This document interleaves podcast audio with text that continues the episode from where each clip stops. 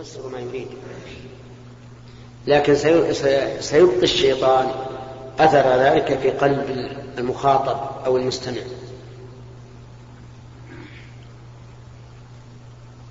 وأنصح من يتكلم بهذا أقول له استمع إلى قول الله تعالى أو اقرأ قول الله تعالى ما يلفظ من قول إلا لديه رقيب عتيد. وأعلم أن كلمتك هذه إن ترتب عليها كفر أو شك فالحساب عليك.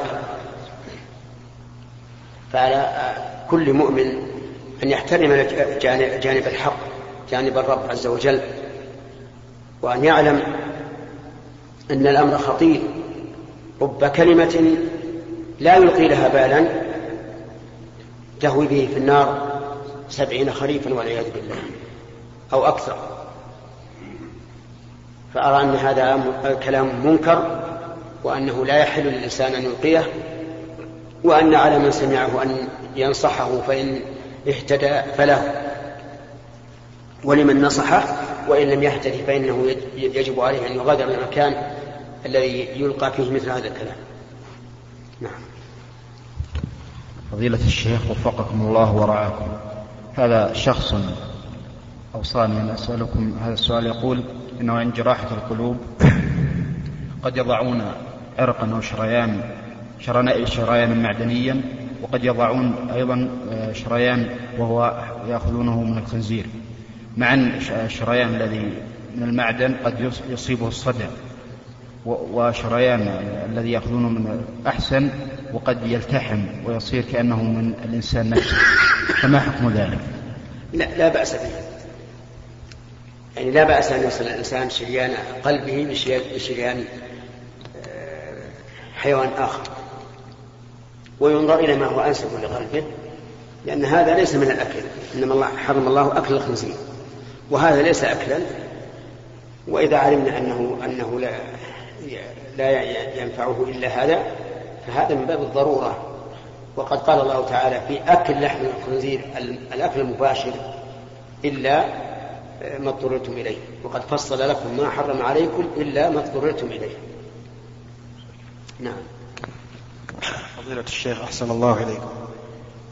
هناك الناس الكفار مثلا يكون زميلك في الدراسة عند قدومك في المطار يسهل لك الأمور الجمركية وأنت بالمقابل تشتري له هدية. هل يجوز هذا؟ أرأيت لو كان مسلما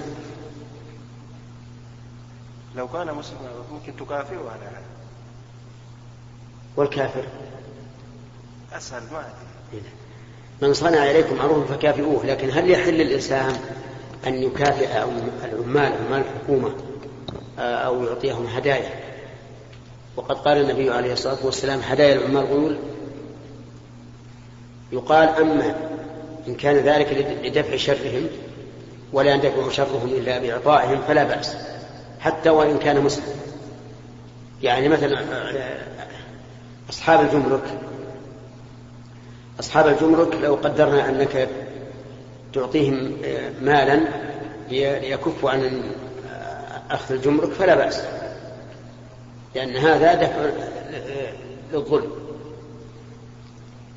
ومع أن الأفضل في هذه الحال أن تخضع لكنه لما لم يكن به منابذة صار جائزا.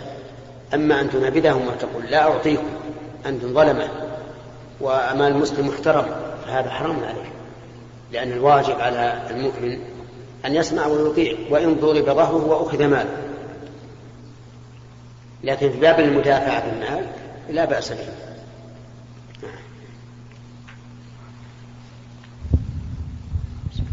فضيلة الشيخ ما حكم قصر الصلاة للطلاب طلاب مثل الجامعات خلال مدة دراستهم؟ وهل ينطبق إذا كان لهم حق القصر على رخصة الفطر في رمضان أم لا؟ هذه مسألة مختلف فيها اختلافا طويلا عريضا. فقد اختلف فيها العلماء على أكثر من عشرين قولا. وذلك لأنه ليس هناك نصوص واضحة صريحة في التحديد. وإذا لم يكن هناك نصوص واضحة صريحة في التحديد فالأولى إبقاء النصوص على عمومها. وأن الإنسان ما دام في السفر فهو فهو مسافر يترخص بجميع رخص السفر. حتى وإن أقام لغرض يعرف أنه ينتهي في المدة الفلانية أو لغرض متى انتهى رجع ولا يدري متى ينتهي فالصواب أن البابين أن البابين حكمه حكمهما واحد. وأن من أقام لغرض متى انتهى رجع إلى بلده فإنه مسافر سواء حدد المدة أم لم يحددها. إذ ليس هناك نص في أن تحديد المدة ينقطع به السفر. لكن يقول إن المقيمين للدراسة يجب عليهم أن يصلوا مع الجماعة إذا كانوا في بلاد إسلامية ولا يحل لهم التخلف عنها باعتبار أنهم مسافرون لأن المسافر لا لا تصرف عنه الصلاة صلاة الجماعة. ولا صلاة الجمعة أيضا ما دام في البلد الذي تقام فيه الجمعة. لكن لو فاتتهم الصلاة أو كانوا في في مكان ليس حوله مساجد وصلوا فلهم القصر على ما نرى أنه القول الصحيح ومن قال إنه ليس لهم القصر فعليه الدليل. لأنهم ما زالوا مسافرين مغادرين إلى أهلهم ضاربين في الأرض يبتغون من فضل الله. وأما صيام رمضان فنعم لهم أن يفطروا ويؤخروا إلى وقت يكون فيه النهار أقصر أو أبرد لكن تأخيره إلى ما بعد رمضان الثاني في نفس منه شيء لأنهم إذا فعلوا ذلك تراكمت عليهم الشهور وربما عجزوا عن القضاء في المستقبل. فأرى أنه لا بد أن يصوموا رمضان قبل أن يأتي آه، رمضان الثاني. نعم فضيلة الشيخ أطال الله بقاءك زخرا للإسلام والمسلمين رجل دفن ابنه السقط من الشهر التاسع في زاوية من البيت فهل يجوز له أن ينبش عليه القبر ويدفنه في المقابر أم ماذا عليه؟ جزاكم الله خير. السؤال هل هل غسله وكفنه وصلى عليه؟ الأفضل أن يحفره الآن أن يحفره وينقله إلى المقابر لا بأس الرفات يأخذ الرفات يحفره الآن ويأخذ رفاته لأنه بقي شغل مكانا من البيت وإن حجر عليه صار مشكلة. أن يقال هذا قبر ثم بعد مضي السنوات الكثيرة ربما يتخذ وثنا. نعم. بسم الله الرحمن الرحيم. فضيلة الشيخ ما حكم حفظكم الله ما يسمى بين الناس بالواسطة؟ وقد لا يخفى عليك يعني معناها وهو أن لا يعني هو الشافع هو الشافع. في في حاجتين أريد أن أقولها. أولا أن في ظني أن 90% من ما يتعارف عليه بأنه واسطة هو على حساب آخرين. يعني تقديم تقديم آه، تأخير الأحق وتقديم آه، من دونه. هذه بالنسبة ثم إنها فاشية عند الناس كثيرا ويتعذر البعض بأن يقول كل واحد يعني يفعل ما يستطيع. كل الناس يفعلون لذلك أنا سأفعل ما أستطيع. فما حكمها حفظكم الله وما تنصح الناس في, في ذلك؟ نعم. طلب الشفاعة لشخص أن يتبوأ آه، وظيفة أو غيرها إن كان فيها إن كان هناك من هو أحق منه وقد تقدم لهذه الوظيفة ويعلم أنه إذا اتخذ الواسطة أو الشافع سوف يقدم هذا على من هو أحق فهذا لا يجوز. لأن لأن هذا يشبه بيع المسلم على أخيه. وقد نهى النبي صلى الله عليه وسلم عن ذلك. أما إذا كان الأمر قد حجز من قبل المسؤولين وأنه لا يمكن أن يوظفوا أحدا حتى لو كان مستحقا لأنهم يريدون أن ينظروا من هو نعم يريدون أن يتقدم من يحابونه لسبب أو لآخر فله الحق أن يتقدم. نعم. هذا هو الضابط.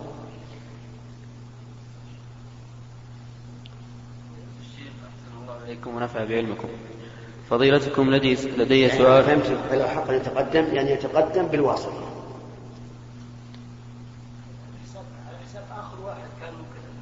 لا لا عرف انتهى يعني مثل قدر بأن الوظيفة تحتمل مئة.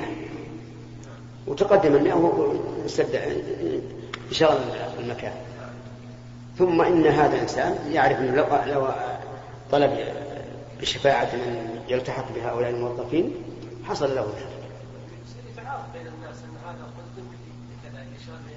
ما سيتعارف الناس عارفين هذا الآن. الناس عارفين هذا الكلام. هل يجوز إني أجعل شاة أنا أجعل شاة في هذه المسألة؟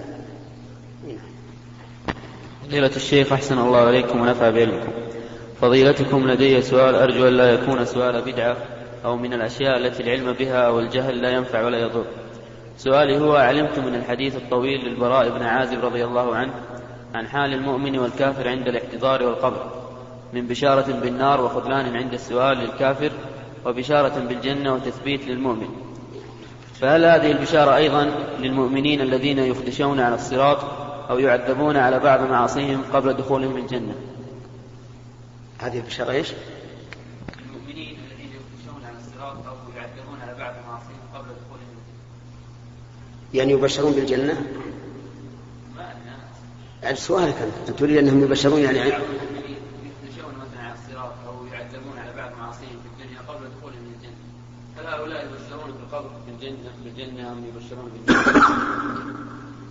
الظاهر أن البشرى تحصل للمؤمن وإن كان عليه معاصي. أنها تحصل له وإن كان عليه معاصي وأما ثم بعد ذلك قد يعفو الله عنها في الآخرة وقد يعذب بها بمشيئة الله سبحانه وتعالى. إن الله لا يغفر كما قال تعالى إن الله لا يغفر أن يشرك به ويغفر ما دون ذلك لمن يشاء. يبشر بالجنة وإن كان عليه معاصي. نعم. فضيلة الشيخ ما معنى قوله تعالى وما أنزل على الملكين ببابيل هاروت وماروت المراد بقوله ببابيل هاروت وماروت قوله تعالى تبارك وتعالى واتبعوا ما نسوق الآية كاملة. واتبعوا ما تتلو الشياطين على ملك سليمان وما كفر سليمان ولكن الشياطين كفروا. يعلمون الناس السحر وما أنزل على الملكين ببابل هاروت وماروت. بابل منفصلة عما بعدها وما يعلمان وما يعلمان من أحد حتى يقولا إنما نحن فتنة فلا تكفر. فيتعلمون أي الناس منهما أي من الملكين. ما يفرقون به بين المرء وزوجه وما هم بضارين به من أحد إلا بإذن الله. ويتعلمون ما يضرهم يتعلمون أي الناس ما يضرهم ولا ينفعهم. ولقد علموا لمن اشتراه ما له في الدنيا ما له في الآخرة من خلاق. هذه الآية امتحن الله سبحانه وتعالى عباده وهو سبحانه وتعالى يفعل ما يشاء. أنزل ملكين ملكين من الملائكة. بمكان يقال له بابل وهو معروف في العراق. والملكان اسم واحد منهما هاروت والثاني ماروت. أنزل عليهما نوع من السحر يتعلمانه وعلمهم الله إياه سبحانه وتعالى وصار وصار يعلمان الناس هذا السحر. لكنهما يقيمان الحجة وينفيان العذر. فما فما يعلمان من أحد حتى يقولا إنما نحن فتنة فلا تكن. فمن الناس من يترك ولا يتعلم ومنهم من يتعلم.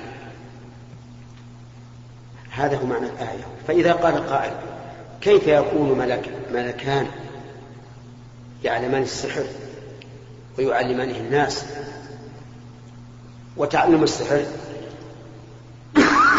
حرام. كما صرح بهم وما يعلمن من أحد حتى يقول إنما نحن فتنة فلا تكفر. فيقال من الذي يحلل ويحرم؟ الله. الله. والله سبحانه وتعالى قد يجعل الشيء الحرام حلالا بل واجبا.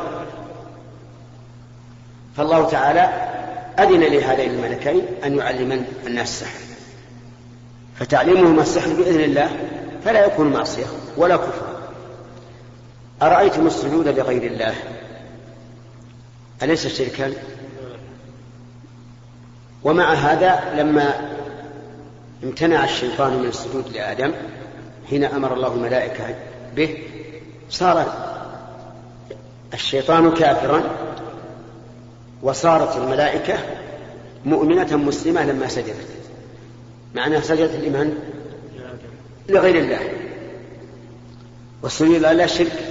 فصار في هذا في هذا في هذه الحال صار طاعة وعبادة. قتل الإنسان ولده من كبائر الذنوب. من أعظم الذنوب أن تقتل ولدك خشية أن يأكل معك أو لغير ذلك من الأسباب. ومع ذلك صار طاعة يحمد الإنسان عليها حين أمر الله إبراهيم عليه الصلاة والسلام أن يقتل ابنه. كذلك السحر. السحر لا تعلمه حرام لكن إذا كان بإذن الله صار صار حرام فلا إشكال في المسألة. فهمت يا ولدي؟ صار ببابل يعني مكان. بلد اسمه بابل. وهاروت وماروت اسم للملكين. نعم. أحسن الله إليكم. حفظكم وغفر لكم. إنسان أو زوج. إيش؟ زوج. رزقه الله بمولود ذكر ثم ثم عق عنه بشاة فمات الولد. فهل يعق عنه بأخرى أم أم يكتفي بالأولى؟ لماذا لماذا اقتصر على الشاة في الأول؟ آه لأنه كان الولد مريض فاقتصر على الشاة أعوذ بالله. ضحى. يعني كان يقول يا رب أعطيتها نصف واحد بعطيك نصف عقيقة ما- ولا؟ ما أنا يا شيخ لكن هذا السؤال المهم على كل حال إن كان هذا هذه وجهة نظره فهي خاطئة. وإن كان هذا- انصح عن هذا. أنا كان تقول يا رب أعطيت واحد مريضة بعطيك أذبح لك نصف حقيقة. على كل حال إن كان هذا قصده فعليه أن يتوب إلى الله عز وجل. وأما العق بالثانية فيعق سواء بقي الولد حيا أو ميتا أي مع- معلوم الذكر له له اثنتان. حفظك الله. هل الأفضلية في صف الصلاة الصف الأول؟ يعني مع في الأيمن مطلقا حتى ولو كان الأيسر قليلا. يعني جانب الصف الأيسر حتى لو. كان. لا أيمن الصفوف أفضل من أيسرها مع التقارب أو التساوي. أما إذا بعد الأيمن فالدنو من الإمام أفضل. والدليل على هذا أنه كان في أول الإسلام إذا كانوا ثلاثة صف الإمام بالوسط.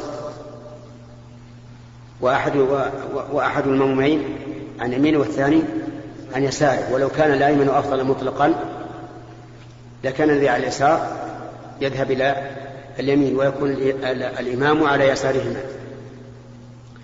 ثم إن الدنو من الإمام أمر مطلوب. فإذا ف... ثم أنه قد ورد في حديث ضعيف وسطوا الإمام. نعم. فصار الأيمن أفضل مع التقارب أو التساوي مثل أن يكون عن يسار الإمام أربعة وعن يمينه أربعة فدخل إنسان فيكون مع الأيمن أفضل. أما إذا كانوا عشرة على اليمين وثلاثة على اليسار مثلا فإنه يكون في اليسار. أحسن الله إليك قد شهد من نثق به. إيش؟ شهد من نثق بهم أن أنهم رأوا القمر في الصباح في المشرق. أن؟ أنهم رأوا القمر في الصباح في المشرق. وقت الصباح يعني. وفي نفس اليوم يعني في المساء رأوا في المغرب. يعني أن الشهر حل في نفس اليوم الذي رأوه.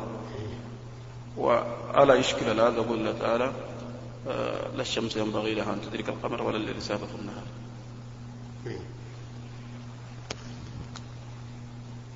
الظاهر لا يشكل هذا. لأن معنى الشمس ينبغي لها أن تدرك القمر يعني لا يمكن للشمس أن تخرج ليلا. ولا الليل سابق النهار يعني لا يمكن أن يكون الليل في النهار. ومعنى الآية أن الله تعالى قد قدر الليل والنهار فلا يمكن أحدهما أن يكون في وقت الآخر. لكنه جل وعلا بحكمته يولج الليل في النهار ويولج النهار في الليل يدخله. لكنه علاج كما يولد السلك في في الإبرة يعني أنه رويدا رويدا هذا ما الآية. وأما ما ذكرت الله تعالى يقول والقمر إذا تلاها فربما تسبقه الشمس وربما نعم فإذا فربما يسبق الشمس هو أو ثم بمعنى أنه يرى هو يسبقها يرى في أول النهار ثم يرى في آخر النهار. وهذا يقع. المهم من الثقات وعليه فإذا رؤي في صباح اليوم في صباح اليوم التاسع والعشرين. ثم شهد شهود ثقات أنهم رأوه في ليلة الثلاثين بعد الغروب فإنه يحكم بدخول الشهر الثاني. نعم. الشيخ رجل توفى عن امرأتين واكتملت العدة الشرعية للامرأتين.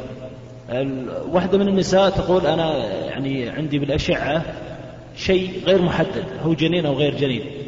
فعلما أنها تحيض هذه المرأة فتقول أنا يعني سأستعمل أعشاب طب عربي من أجل إذا أنه طفل يعني جنين سيحييه الله.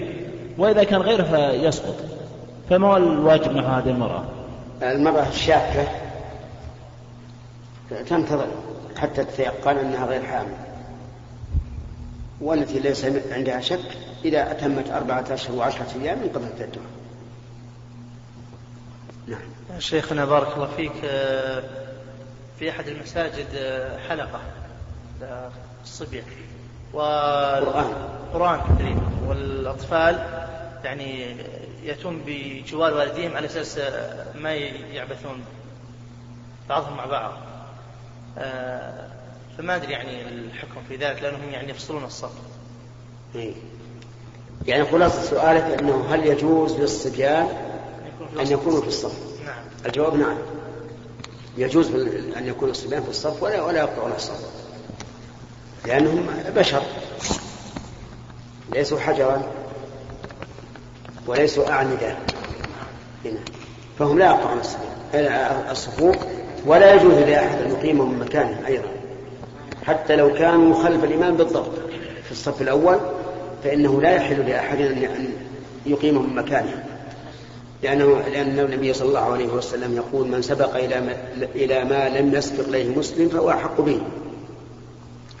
ولأن إقامتهم وطردهم من هذا المكان يؤدي إلى كراهتهم المسجد وإلى ولأهل المسجد.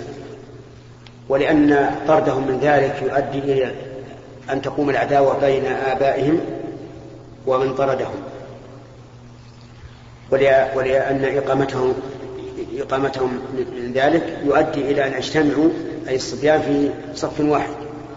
فيكون تشويشهم وإشغالهم الناس أشد. وأما قول الرسول صلى الله عليه وسلم ليلني منكم أولي الأحلام والنهى فهو والله على العين والرأس. وفوق كل ذي قول غير قول الله عز وجل.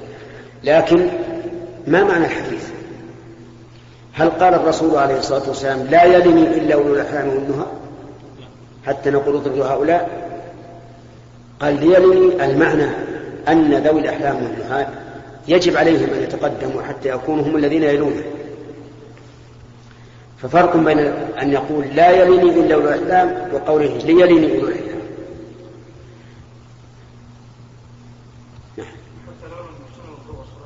نعم. من بعده؟ يا شيخ حفظكم الله تعالى. نعم. قدم علينا أحد الأخوة المجاهدين من البوسنة والهرسك وتكلم عن الأعداء والتمثيل بهم. عن إيش؟ عن الأعداء والتمثيل بهم. نعم. فاعترض عليه أحد الأخوة وقال أن هذا لا يجوز حرام.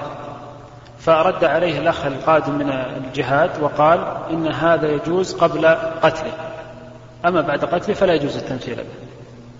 فما رأيكم جزاكم الله خير؟ من رأى أنه لا يجوز التمثيل بالكفار إذا عثر عليهم مطلقا أخذ بعموم الحديث الذي كان الرسول عليه الصلاة والسلام يصيب به من من يبعثهم من الجيوش والسرايا. أن لا تمثل. ولكن هذا العموم مخصوص بقوله تعالى فمن اعتدى عليكم فاعتدوا عليه بمثل ما اعتدى عليكم. فإذا كانوا يفعلون بنا ذلك فلنا أن نفعل بهم مثل ما يفعلون بنا. لأننا لو, لو نتقاصر هذا صار فيه ذل. وهم لا لن ينفعهم إذا, إذا لم نمثل بهم بحيث يكفون عن التمثيل بنا في المستقبل. وإلا لو رجونا ذلك لقلنا نظرا لهذه المصلحة لا, لا, لا, لا, لا نمثل بهم. نعم. طيب يا شيخ حدثت قصة. لا انتهينا منك. هي قصة مهمة يا شيخ؟ إيه، تعلمنا إياها بعد بعد. طيب. فضيلة الشيخ حديث عائشة رضي الله عنها في البخاري النبي صلى الله عليه وسلم قال لا تسبوا الأموات فإنما أفضوا إلى ما قدموا. هل هذا يشمل عموم الأموات الكفار أم أنه خاص؟ ولا في احتمال أنه العموم. يعني في بعض الأوقات فتؤذي الأحياء. والكافر إذا أوذي الكافر قد يتأذى قريبه المسلم بسبه والمسألة تحتاج إلى النظر في المصلحة بالنسبة لسب الأموات الكفار. قد يكون في مصلحة. الآن انتهى الوقت وأعطنا قصتك.